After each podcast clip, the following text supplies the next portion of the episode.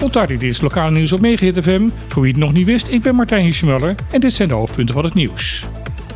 Intergezaghebber Nolly Oliana weigert het onderzoek te leiden naar zijn collega gezaghebber Edison Reina. Dat heeft Oliana bekendgemaakt tijdens de eilandsraadvergadering gisteren. Hij vindt het eigenlijk respectloos dat hij deze opdracht opgelegd heeft gekregen zonder dat daar overleg met hem over is geweest.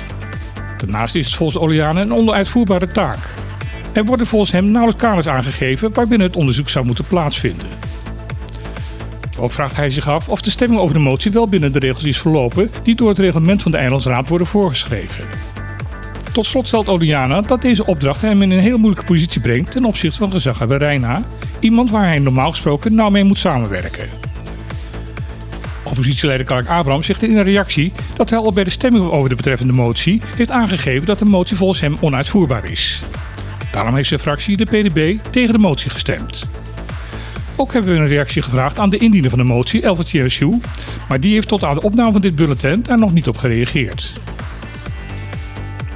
Het is weer tijd voor de jaarlijkse griepprik.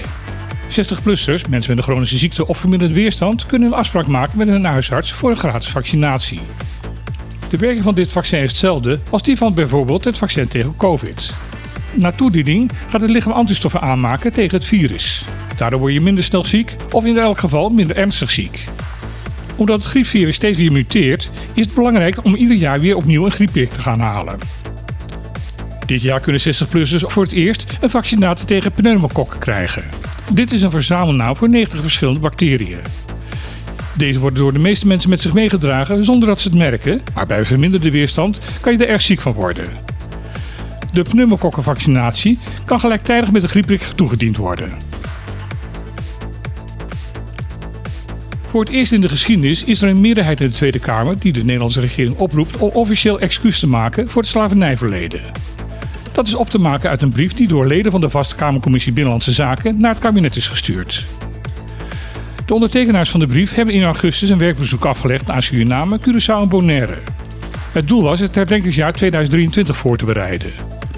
Dan is het namelijk 150 jaar geleden dat de slavernij in de toenmalige koloniën effectief ophield te bestaan. Tijdens dit werkbezoek werd het de Kamerleden nogmaals duidelijk dat het aanbieden van excuus echt noodzakelijk is.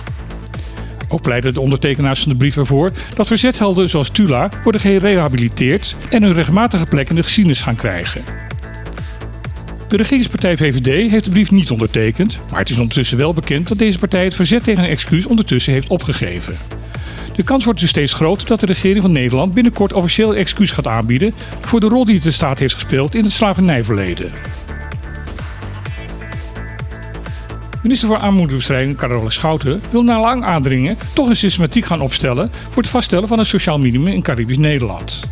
Tot gisteren was de minister daartoe niet toe bereid en bleef zij vasthouden aan de methodiek van het vaststellen van een zogenaamd eikpunt. Door druk uit de Tweede Kamer is zij daar nu op teruggekomen.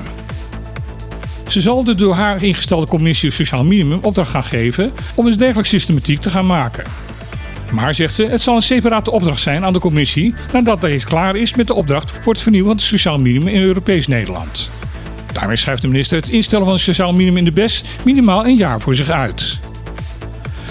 Tweede Kamerlid voor D66, Jorien Wuiten, vindt dit extra uitstel onaanvaardbaar. Ze vraagt zich af of het kabinet het lef heeft om te erkennen dat het praten over de eikpunt voor het sociaal minimum nu echt achterhaald is. Daarom heeft ze aangekondigd om een motie in te dienen die het kabinet gaat dwingen de vaststelling van het sociaal minimum voor de BES gelijk te laten lopen met de herijking van het sociaal stelsel in Europees Nederland. Dit was het lokale nieuws van vandaag. Ik wens u nog een hele fijne dag vandaag en graag tot morgen.